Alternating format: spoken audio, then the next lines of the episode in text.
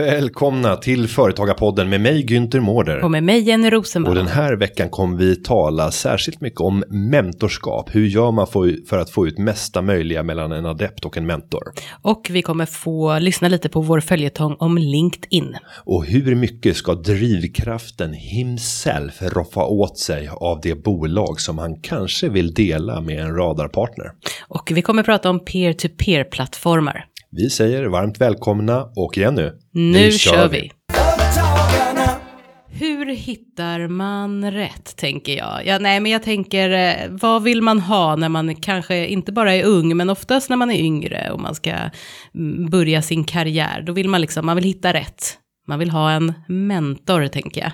Mm, en mentor. En mentor. Jag tänker att idag ska vi prata om mentorskap och mentorer och adepter. Och, ja, nej men eh, mycket runt det, för jag tror att det kan vara nyckeln till att man hittar rätt. För att man eh, dels lär känna en person som också kan vara den personen som hjälper dig på många sätt. Men framförallt kanske bygger upp ett eh, självförtroende och eh, att man vågar sig ut och tar lärdom av den vise mannen eller kvinnan. Jag tänker, Givetvis. Ja, och då tänker jag, min första fråga, min första fråga till dig, är du mentor själv? Jag är mentor själv. Mm. Och hur länge har du varit det? Eh, första mentor-adept-relationen inleddes för sex år sedan. Och hur länge varar en relation? Den relationen finns Gör man slut? Ja, ofta så glider det bara ut. Man det försvinner. Eh, man har inte uttalat det, men om jag tänker den första personen Mm. som jag hade. Eh, så har vi fortfarande en speciell relation. Så att i stora ögonblick så har jag ofta blivit konsulterad igen. Mycket Mm. hänger på adepten själv. Att man får söka kontakt. Men för mig som mentor så ser jag lika mycket en personlig egen vinning. Man tror ofta som adept när man Mm. letar efter en mentor. Att det är bara man själv som kommer att få värden. Mm. Men i själva verket så är det lika mycket för mentorns skull. Mm. För att man får inblick och kunskap om en persons vardag. Och förmodligen så är det en åldersskillnad här emellan. Mm. Det är det vanliga. För att man vill ha någon som är mer erfaren. Som har gjort de potentiella Mm. misstag som man själv kan göra. Eh, och det gör ju att jag som mentor får ju kunskaper om nästa generation. Hur man tänker, hur man resonerar. Mm. Och får också ett kontaktnät. Så att när jag behöver rekrytera eller liknande. Så har jag nåder av personer som kan hjälpa mig i de lägena. Har du någon gång rekryterat en före detta eller en adept? Nej, men jag har rekryterat igenom Ja. En adept. Och att de har kommit med kunskaper och kommit upp med namn. Men också kunnat vara referenser för att de har ett kontaktnät som jag saknar. Så att eh, för mig så är det, är det väldigt värdefullt. Och bakgrunden till att, att jag har fått de adepter som jag har haft eh, beror på att jag har varit ordförande i årets affärskreatör. Det är ett projekt som har funnits inom Handelshögskolan där man har kunnat vinna en plats på skolan. Och det har varit ordförande i den juryn. Eh, nu var det ingenting i år, men åren dessförinnan så har det varit en årlig tävling. En parentes är att det är väldigt coolt, alltså det, det är väldigt osvenskt, amerikanskt är det ju, men osvenskt att man kan vinna en plats på Handelshögskolan. Det är, jag, jag gillar det, för då kan man komma in på andra, man behöver inte bara komma in för att man hade toppbetyg. Nej, man Så. kan vara bäst på någonting annat. Ja. Mm. Och här har man då mätt affärsmannaskap. Och det behöver inte vara att man har byggt det bolaget som har tjänat mest pengar. Utan att visa upp ledarskap, att visa upp driv. Eh, men också ödmjukhet Mm. samtidigt. Så att det är ofta väldigt goda förebilder. Det ska bli strålande ambassadörer med ett särskilt driv. Och då har jag fått en mentor varje, eller en, en adept Mm. varje år. Och vissa av de där relationerna har dött ut efter bara några månader. Mm. Eh, medan andra lever kvar. Och eh, ungefär hälften har jag kontakt med även nu flera, flera år efteråt. Det är rätt så coolt faktiskt. Jag tänker att vi ska göra så här, vi ska gå igenom eh, några tips på hur man hittar rätt person och hur man kan bygga en långsiktigare relation då kanske några månader. Och så tänker jag att jag, jag ställer lite frågor till dig under tiden, för det är kul att liksom koppla tillbaka till dig. Eh, eh, nummer ett, förstå eh, målsättningen och ha rätt förväntningar. Alltså vad tänker du där? Ja, man- men är det, en viktig sak? Det är viktigt att från båda parter att man vet varför gör Mm. vi det här tillsammans. För det är tillsammans, det är inte envägs utan det här är tvåvägs.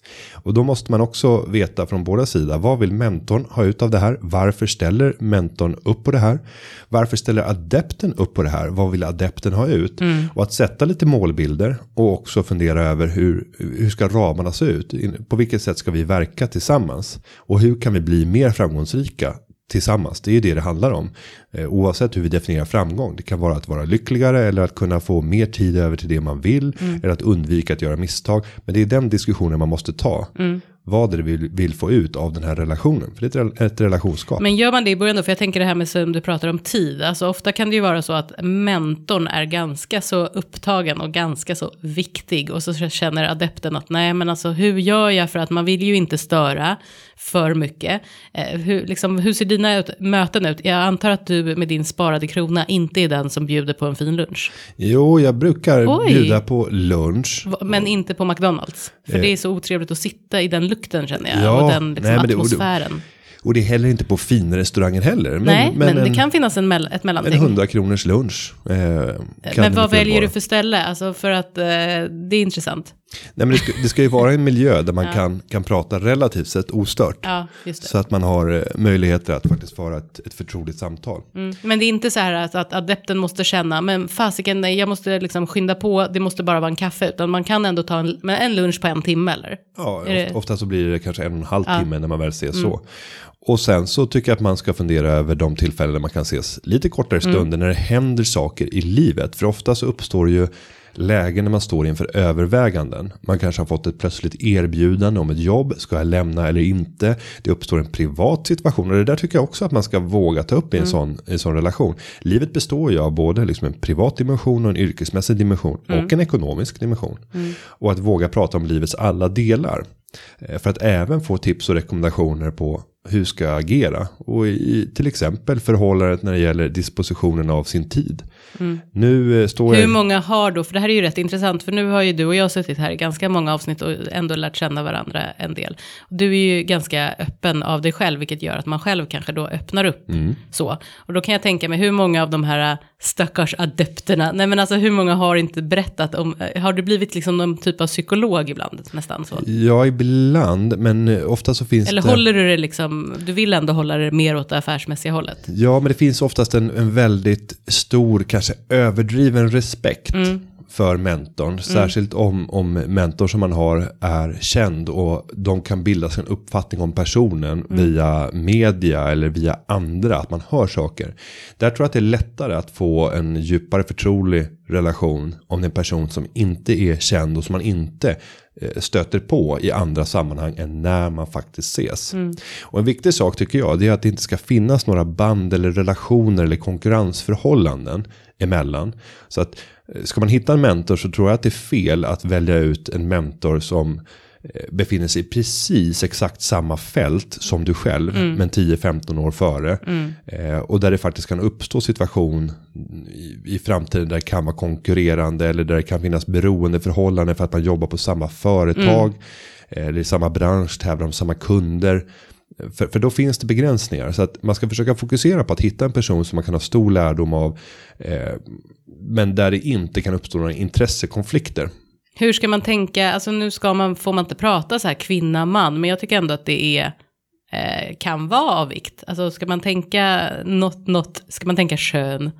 Nej men förstår du, alltså hur jag tänker, alltså en, en ung kvinna, spelar det någon roll om man har då en manlig mentor eller kvinnlig mentor, har det någon betydelse vart, vilken liksom verksamhet man vill rikta sig in på? Jag, tänk, jag vet inte, nu bara frågan är, Jo, men jag tycker att man ska ha en, en tanke kring Ja. varför. Så att det inte blir bara för att. Ska man in till exempel i en mansdominerad bransch. Om du ska in inom liksom managementkonsultvärlden eller, eller eh, revision. Där börjar det bli mer jämställt nu. Eh, men om vi tittar på, på branscher där det är väldigt eh, dålig jämställdhet.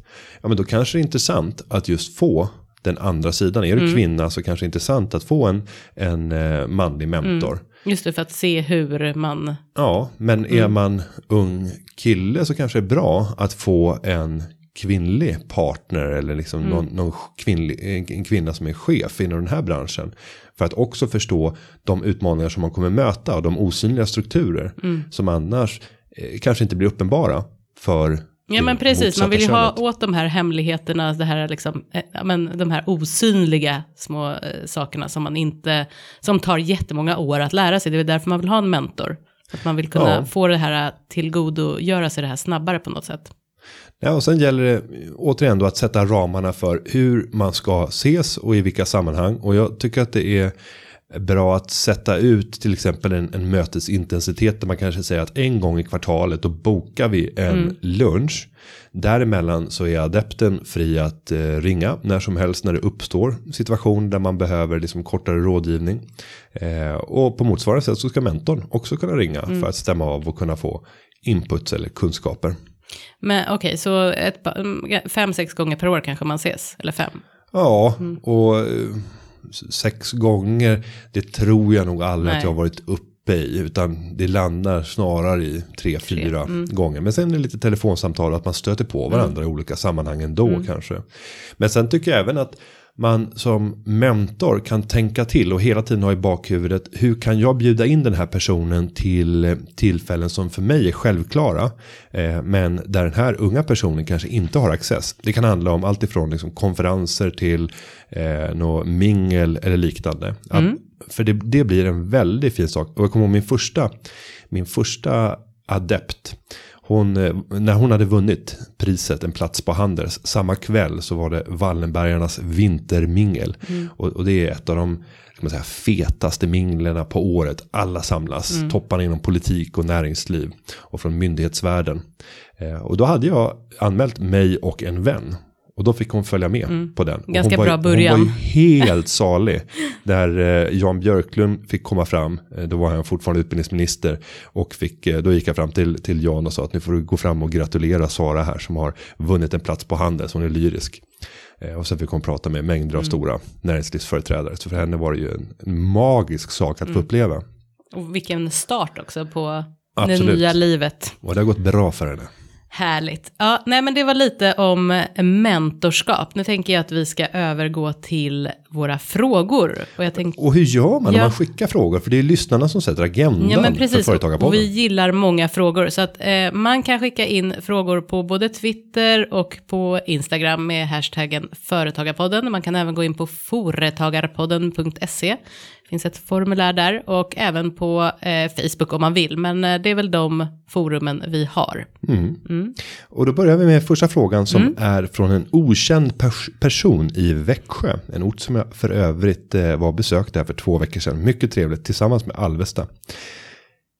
Jag läser. Hej, jag är ekonomistudent som driver en enskild firma som säljkonsult. Jag har fått in lite väl många uppdragsgivare och vill starta ett aktiebolag och anställa till årsskiftet. En av mina bästa vänner vill gå ihop med mig. Han läser revision och är siffersnille. Jag läser marknadsföring och är drivkraften himself. Det är väldigt bra kombination. Alltså jag, jag, jag ska fortsätta. jag ska fortsätta läsa frågan. Det här är en kaxig, jag det här är en kaxig person. älskar det. Ja. Alltså, jag är drivkraften himself. Kan du inte du säga det med en bioröst? Det är fantastiskt. Okej, luta dig tillbaka. Ja. Och jag är drivkraften himself. Alltså jag ska börja säga det om allting fast jag ska säga herself.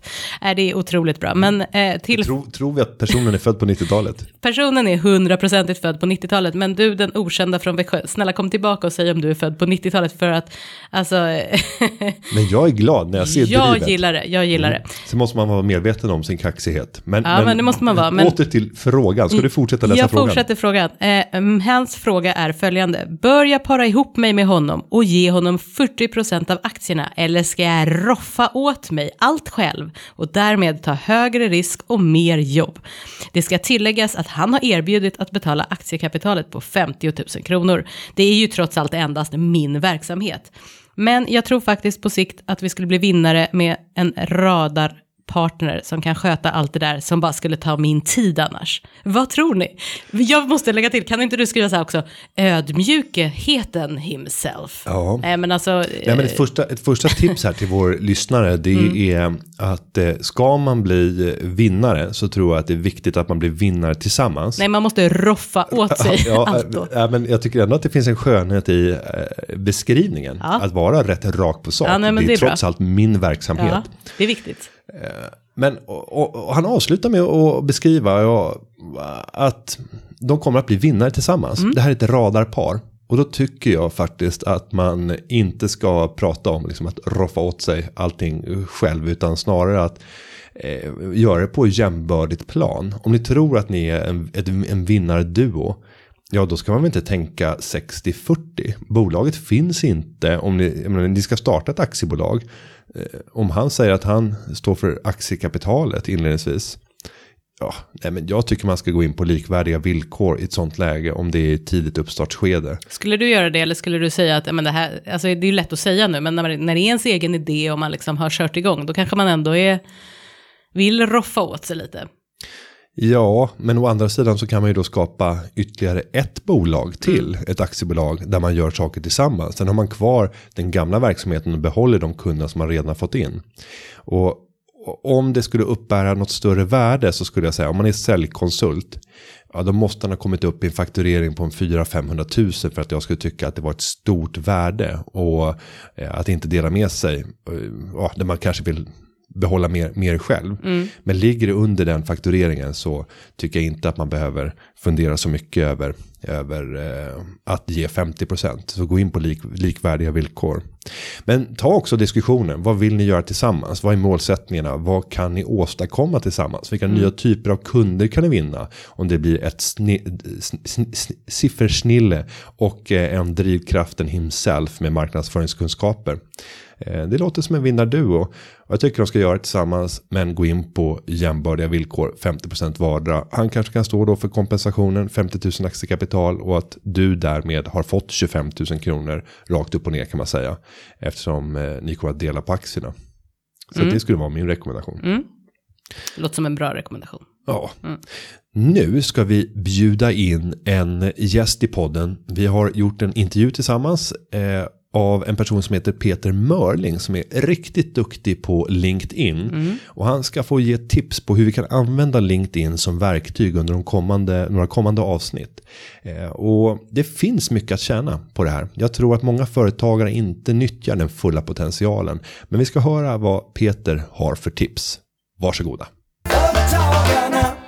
Då sitter vi här med Peter Mörling, en sann LinkedIn-specialist. Jag tittar på CVt och ser LinkedIn-utbildning, helping companies to sell socially, sakkunnig, coach, mentor, rådgivare. Välkommen till Företagarpodden.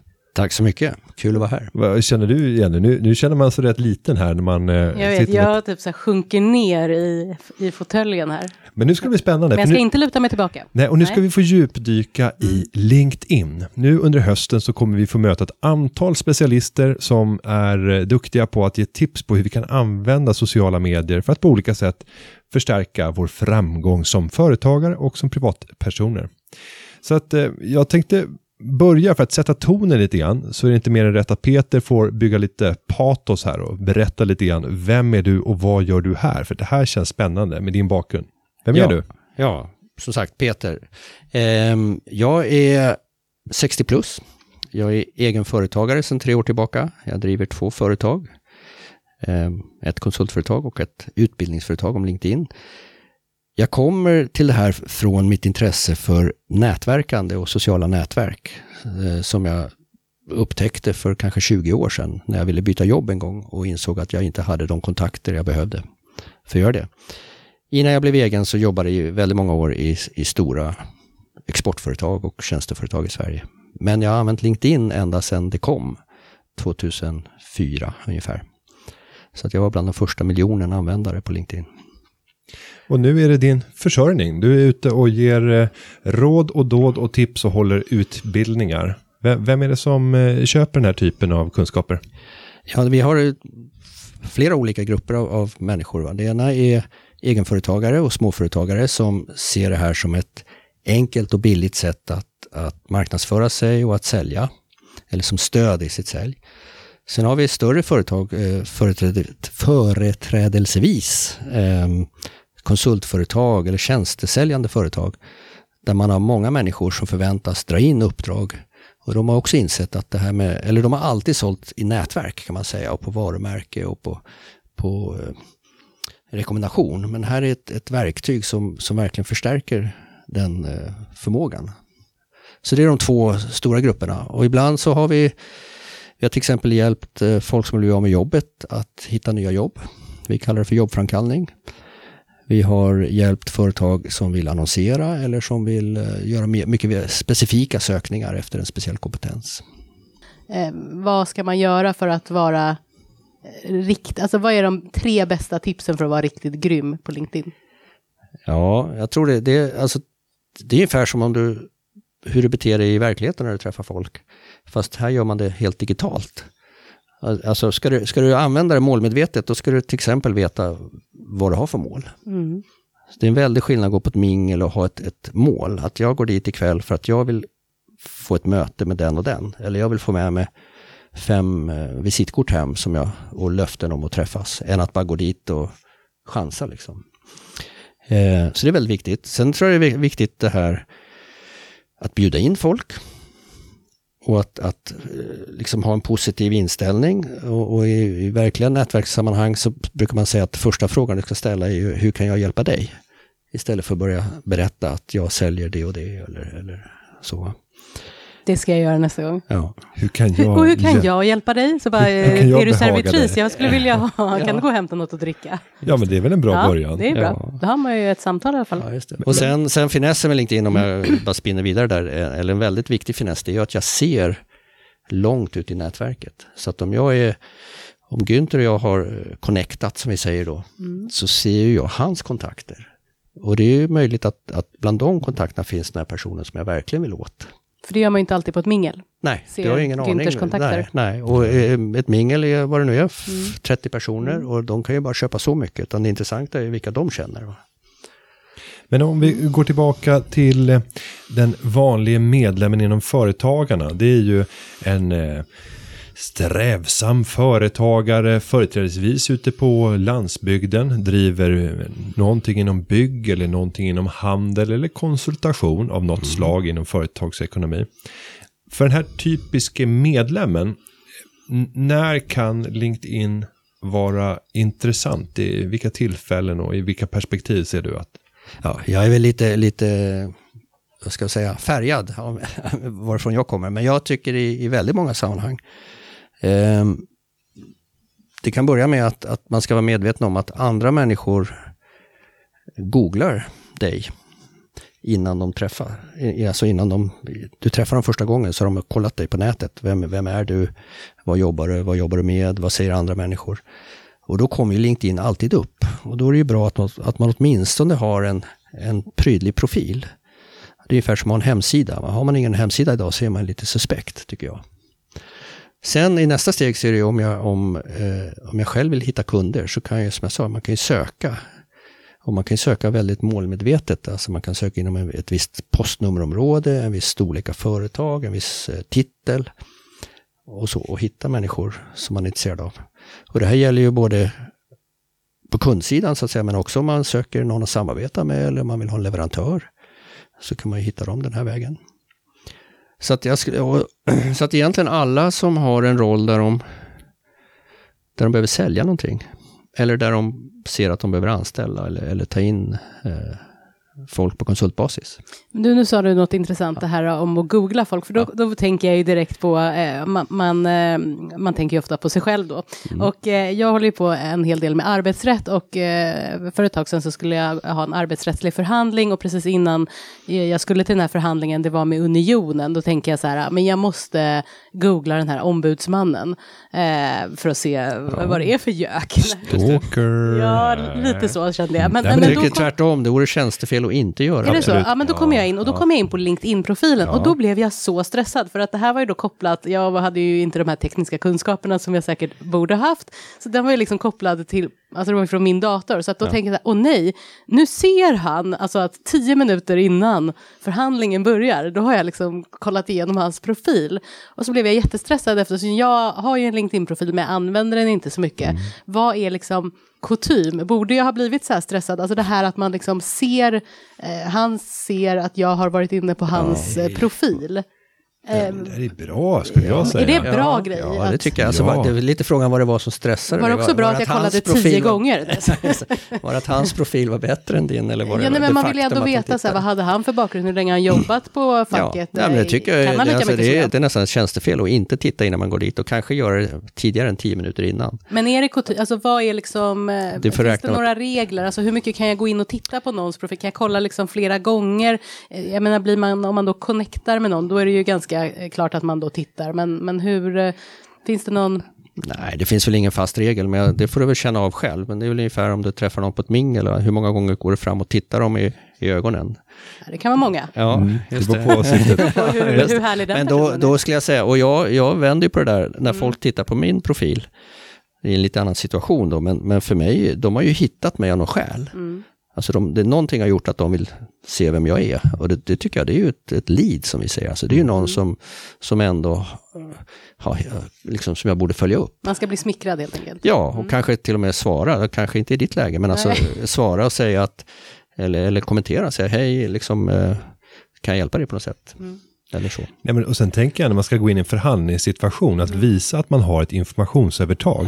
Tänk att börja förhandlingen med att säga att Du, jag jag, såg- såg, jag såg att du hade två små barn som går på eh, Men vet förskola. du en sak, nu, nu blir det här en liten Du- avstickare, du- men just den här förhandlingen var väldigt speciell. Och jag undrar om det kanske nu i efterhand, det här är ju liksom ett år sedan, var att han såg att jag hade kollat. För Nej. att, nej men vi började och det var, handlade liksom om en ganska jobbig uppsägning var på Mm. arbetstagaren, han satt liksom, han sa ingenting, det var inte bra stämning. Så att jag ville bara riva av den här förhandlingen. Och han börjar med att så här, nej, nej, nej, nej, nej, nej, nej, vänta nu lite här, jag tänkte att vi ska presentera oss själva. Då tänker jag att det kanske är för att han såg att jag hade varit inne på hans profil. Och sen fick vi alltså dra, jag fick dra mitt CV i princip, det var en, Mm. en av de konstigare förhandlingarna. Det kanske var att han hade sett då, tror du det? Och tänk dig att gå in till exempel på Twitter sen, Ja. hitta den här personen, se när han eller hon har varit ute i debatten och fått mothugg, när någon kraftigt angriper den här personen. Och så går man in och favoritmarkerar när någon har angripit så att han får en notis eller hon får en notis. Var- ja. Att jaha, du har redan gått in, liksom. Kriget har börjat redan i sociala medier innan vi sätter oss där. Intressant, det här tar arbetsrätten vackla? till en helt ny vackla? nivå. Mm. Information är allt. Nej, men jag skulle bara i tillägg säga att, att du skulle kanske kollat den där profilen dagen innan, eller ett Ja. par dagar innan. Och, och det är inte omöjligt att ni hade haft någon, någon gemensam kontakt, eller någon eh, gått på samma skola, eller liksom på något vis att du har fått en, en hint om vem den här personen är. Som kan vara användbart också. Va? Nej, och i en sån förhandlingssituation, om du då ser att ni har gemensamma kontakter, tänk att bara lyfta luren Mm. och få höra någon kommentar som kanske är positiv. Det är mycket lättare att förhandla även i jobbiga situationer med någon som man verkar gilla. Mm. Att börja med en sån kommentar. Jag såg att du kände Lisa. Mm. Jag pratade med henne och, och sa att, att, vi var, att ni var kopplade. Jo, för hon, så brukar hon man ju hade bara gott att säga om Ja. dig. Vad roligt att få träffas. Jo, för Så man brukar ju ändå alltid, det är fight. som man, eh, en förhandling i samband med man är säljare, man vill hitta någonting att prata om. Men just i det här fallet var det ju liksom, det var en väldigt jobbig eh, uppsägning, så att man ville ju Just bara det. köra. Men ja, det var, ja, kanske ska börja eh, kolla kontakter på LinkedIn mer innan Och kanske ännu mer i det du säger Günther, alltså i ett, i ett, om, du, om du är säljare, om du då kan hitta de här gemensamma Mm. kontakterna eller, eller eh, intressena eller skolorna eller vad det nu är, så är det ju en mycket, mycket bättre väg att ta, ta den här första kontakten. Där- Där var jag med, kan jag nämna ett, ett roligt exempel. En som försökte sälja skräddarsydda skjortor och kostymer. Som då tittade på min profil på LinkedIn och såg vilka inom situationstecken höjdare vad jag kopplade med. Och använde det sen i ett mail direkt till mig. Och där han ställde frågor om jag kände, ja det var ett, ett antal börs om jag hade kontakt med dem.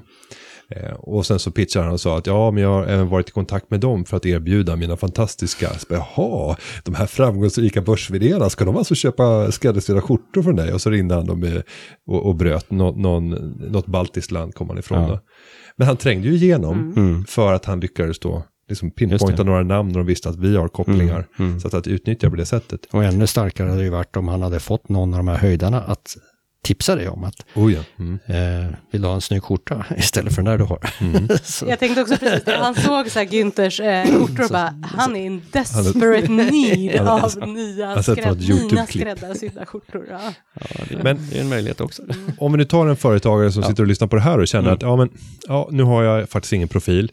Nu ska jag gå ut och skaffa mig det. Och det första frågan, vad är liksom en grundnivå och hur ska man tänka när det gäller företaget versus företagaren och privatpersonen, individen? De här tre sakerna flyter ju samman. Ska man ha en sida för företaget även om man är solo? Ja, företagare. det tycker jag är steg två. Alltså steg ett är, och den, den absolut viktigaste på LinkedIn, det är din personliga profil. Mm. Eh, och det är därifrån utgår allting annat så att säga. Och den ska ju spegla din, ditt professionell, din, dig som professionell, alltså som yrkesperson. Så att det är inte där du lägger ut bilder på dina hundar och barnbarn och sånt där, utan vad du har jobbat med, vad du jobbar med, vad du erbjuder, gärna några rekommendationer från kunder som är nöjda. Eh, var gå till skolan, lite beroende på vad du jobbar med. Och- sen, eh, alltså grundgrejen är ett bra foto. Men hur- Jätteviktigt. Och, och hur bra eh, ska man ha, liksom, ska det vara som på såna här, nu är jag gift, men eh, såna här dejtingsidor där man liksom är lite snyggare. Tinder. Man, Tinder, precis, där man är lite snyggare. Alltså det är en yrkes, yrkessajt. Va? Så att, så att eh, det, det, men det är snyggare än vad man är. Men alltså, ja, det är det. Man Men ska alltså, se jag ska säga, vårdad ut. det finns, det- man ska se vårdad ut, man ska kanske se ut som, som man gör när man jobbar. Va? Så att om man är rörmokare så kan man ju ha de kläderna på sig på Ah, fotot. Folk ska ju kunna känna igen dig. Jag tycker inte, alltså, ja, jag vet inte så mycket om dejtingsajter heller, men alltså, jag ser ju ibland på LinkedIn eh, foton som ser ut som de är mer eh, ämnade för att locka någon eh, till en, liksom en privat kontakt. Det tycker jag blir fel. För det, det är en yrkesställe. Mm. Men det är väl en bra måttstock det här att man, man ändå ska klä sig i rollen höll jag på att säga. Men, Ja, och sen är det så här enkla saker, titta in i kameran. Alltså, gå, gärna till, gå gärna till en fotograf och ta den här bilden, för den är jätteviktig. För att folk, folk får ju upp en lista med flera personer om de söker och så tittar de snabbt igenom den och så väljer de en som de klickar vidare på. Och har du då en- bra bild där du ler och tittar in i kameran så är det mycket bättre än att inte ha någon alls. Till Vi tog ju lite foton eh, tidigare idag, jag och eh, Günther. Och eh, ja, det kanske kommer bli någon bild man kan använda sig av där, tänker jag. Alltså Det Günther är ju någon typ av eh, proffs på att eh, bli fotograferad. Han rör sig liksom så här långsamt i eh, olika ställningar. Men me mellan varje klick så Ja. ska du röra huvudet lite Exakt. Grann för att så? fotografen ska få många olika jätte- poser att välja mellan. Ja, nej, det var en sido, ett sidospår. Men eh, Verkligen. Ja, men det är spännande att få mer insikt i hur vi kan jobba med LinkedIn. Och eh, Peter Mörling kommer att återkomma här i flera avsnitt framöver då vi ska djupdyka dels i hur man kan använda LinkedIn för att boosta sin egen försäljning och bygga relationer. Och sen ska vi även prata om rekrytering och hur man kan stärka relationer med befintliga medarbetare. Mm, spännande. Så vi får anledning att återkomma och bjuda in Peter även framöver. Tack för att du var med i Företagarpodden den här gången. Tack själva, det var Tack, jättekul. tack. Tack. Och då är vi tillbaka i studion och tackar Peter för de inläggen. Han kommer komma tillbaka vid ytterligare några avsnitt här framöver för att ytterligare delge oss om tips och rekommendationer på hur vi rekryterar rätt och hur vi säljer rätt via LinkedIn. Vi ska ta ytterligare en fråga innan vi avrundar. Det gör vi. Eh, då är det Micke från Örebro under gråzonen. Hej, vi ser en allt mer utvecklad peer-to-peer-marknad växa fram i rask takt med föregångare som Uber och Airbnb med flera inom olika branscher. Vi ser även en ökad andel plattformar för enklare jobb inom situationstecken, såsom flytthjälp, städ, trädgårdsarbete, hund och barnpassning etc. Här finns företag som, den är svår att uttala, kan du uttala den? Jepster ah, Jepster, okej som hipster ungefär. Jepster, TaskRabbit och TaskRunner. Till min fråga, hur reglerad, hur reglerad är denna marknad för enklare jobb egentligen? Verkar dessa företag i en gråzon, tänk svartjobb, vad det gäller skatter, försäkringar och dylikt eftersom regleringen inte har hängt med? Och hur ser ni på denna typ av företags framtidsutsikter vad gäller att skala upp och bli stora spelare på arbetsmarknaden Tack för en jättebra och folkbildande podd. Ja, tack, så mycket. Tack, tack. Det här är ju, tycker jag, är en spännande del av digitaliseringen. När vi ser nya typer av tjänster som underlättar matchning. Mellan den som behöver en tjänst utförd och den som kan leverera tjänsten. Eh, tidigare sa du, det här är inte en ny marknad. Det här har alltid funnits. Om vi tar, så här, jag behöver trädgårdshjälp eller jag behöver en barnpojke. Eller en barnflicka. Eh, en barnpojke? Ja. Ja, det är men vad så- säger ja, barnflicka? Men varför kan man inte säga barnpojke? Ja, det, men för, jag vet inte, det känns som att barn... Jag älskar barnpojkar. Ja, det jag, låter- inte, jag vill ha barnpojke. Det låter inte så inarbetat som en barnflicka, men det är ju ko- korrekt det du säger. Ja. ja. Eh, tidigare så sköttes ju matchningen kanske på den lokala matbutikens anslagstavla Mm. i luftslussen mellan den första och andra Man frös. eh, porten. Man frös och de här flärparna på där Flärparna man som skulle... man rev av. Ja, man rev av, de liksom fladdrade Ja. frenetiskt där. Och det var ju inte ett effektivt sätt att matcha Mm. de som kunde leverera tjänsten och de som ville köpa tjänsten.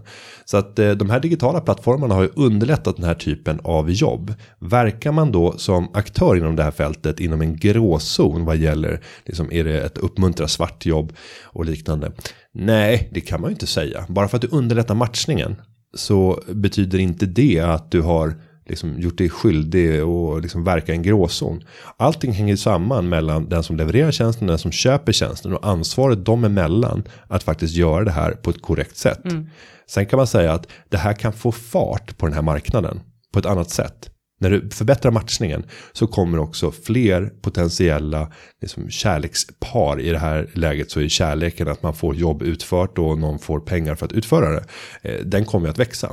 Och samtidigt så kan man säga att det här gör att privata indi eller individer kan börja konkurrera på ett annat sätt med företag. För att du kan vinna väldigt mycket uppdrag. Om du går ut på en sån här digital plattform och saluför dig själv som en städare till exempel. Så skulle du kunna Som en barnpojke. som en barnpojke så skulle du kunna hitta en full försörjning väldigt fort. Det skulle ta jättelång tid förr i tiden om man åkte liksom mellan matbutik till matbutik och satte upp lappar själv vid busshållplatser och liknande. Det är inte lika effektiv matchning. Här kan du inom loppet av ett dygn faktiskt skapa dig din egen heltidstjänst och konkurrera med företag som kanske verkar inom den här sektorn. Jag kom på en parentes som jag måste, som bara, du vet sådana här saker man inte har tänkt på, så när vi pratar så kommer det upp. Alltså när jag var typ 17 år och ville flytta, eller 18 kanske jag var, då så gjorde jag upp lapp, alltså tryckte upp lappar där det stod så här, hej, jag heter Jenny och jag är jätteintresserad av att bo i det här området, eh, kontakta mig på, och så var det typ mitt hemnummer.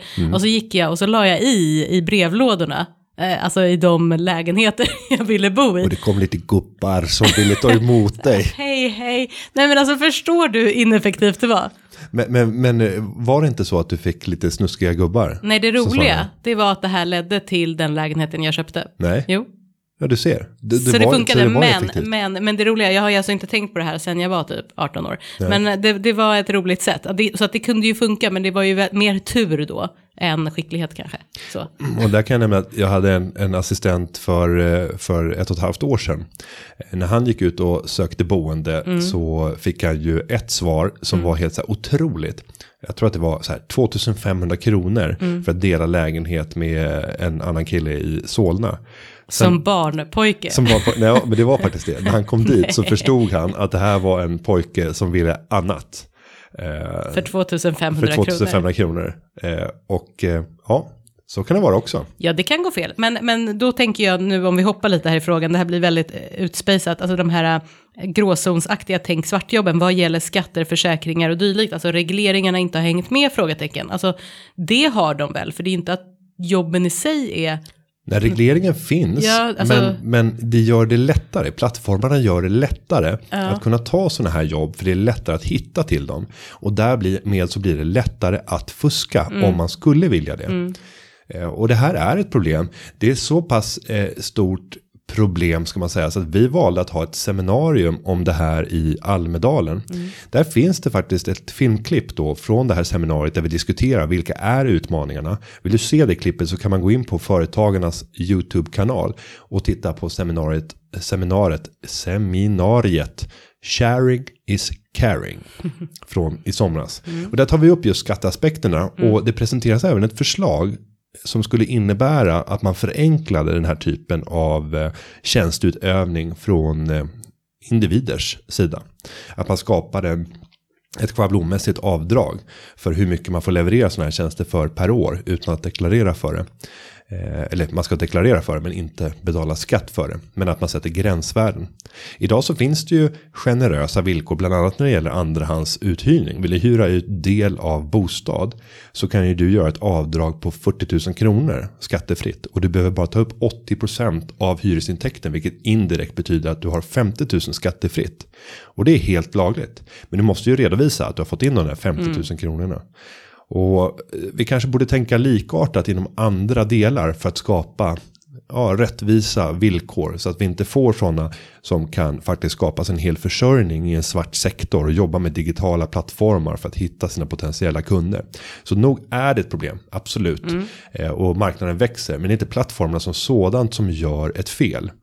Eh, och det kan man ju jämföra med illegal nedladdning. I grunden så är det ju inte de som erbjuder plattformen för att få den som delar en fil och den som laddar ner en fil som gör något fel. För plattformen kan användas för goda syften. Men det underlättar mm. för brottslig verksamhet. Mm. Där folk kan lägga upp upphovsrättsskyddat material som sen kan laddas ner av andra. Men om det inte är plattformsleverantören som själv gör det så är det inte de som har gjort fel. Ytterligare en gråzon helt enkelt. Ja men att mm. sälja en kniv mm. är inte fel. Men man kan använda nifen på ett väldigt dåligt sätt. Nu börjar du eh, balla ur känner jag. Ja, det gör jag. Mm, nu, eh, nu, det börjar bli dags att runda av. Det tycker jag. Och då kan vi säga att nästa vecka så mm. kommer vi att på, bjudas på någonting annorlunda. Vi kommer att få träffa en musikkurator som Oj. heter Magnus. Som jobbar på Soundtrack Your Brand.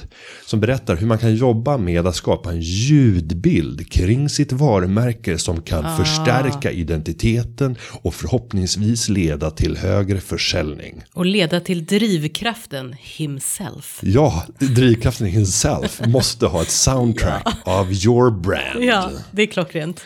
Med det Jenny så säger vi vi hörs nästa vecka. Det gör vi. Och den här podden har klippts av Kim Linkrus. Hej så länge! Hej svej! Soundtrack your brand. Drivkraften. Himself. Hej! Företagarna. Ja, ja, ja, ja, ja, ja.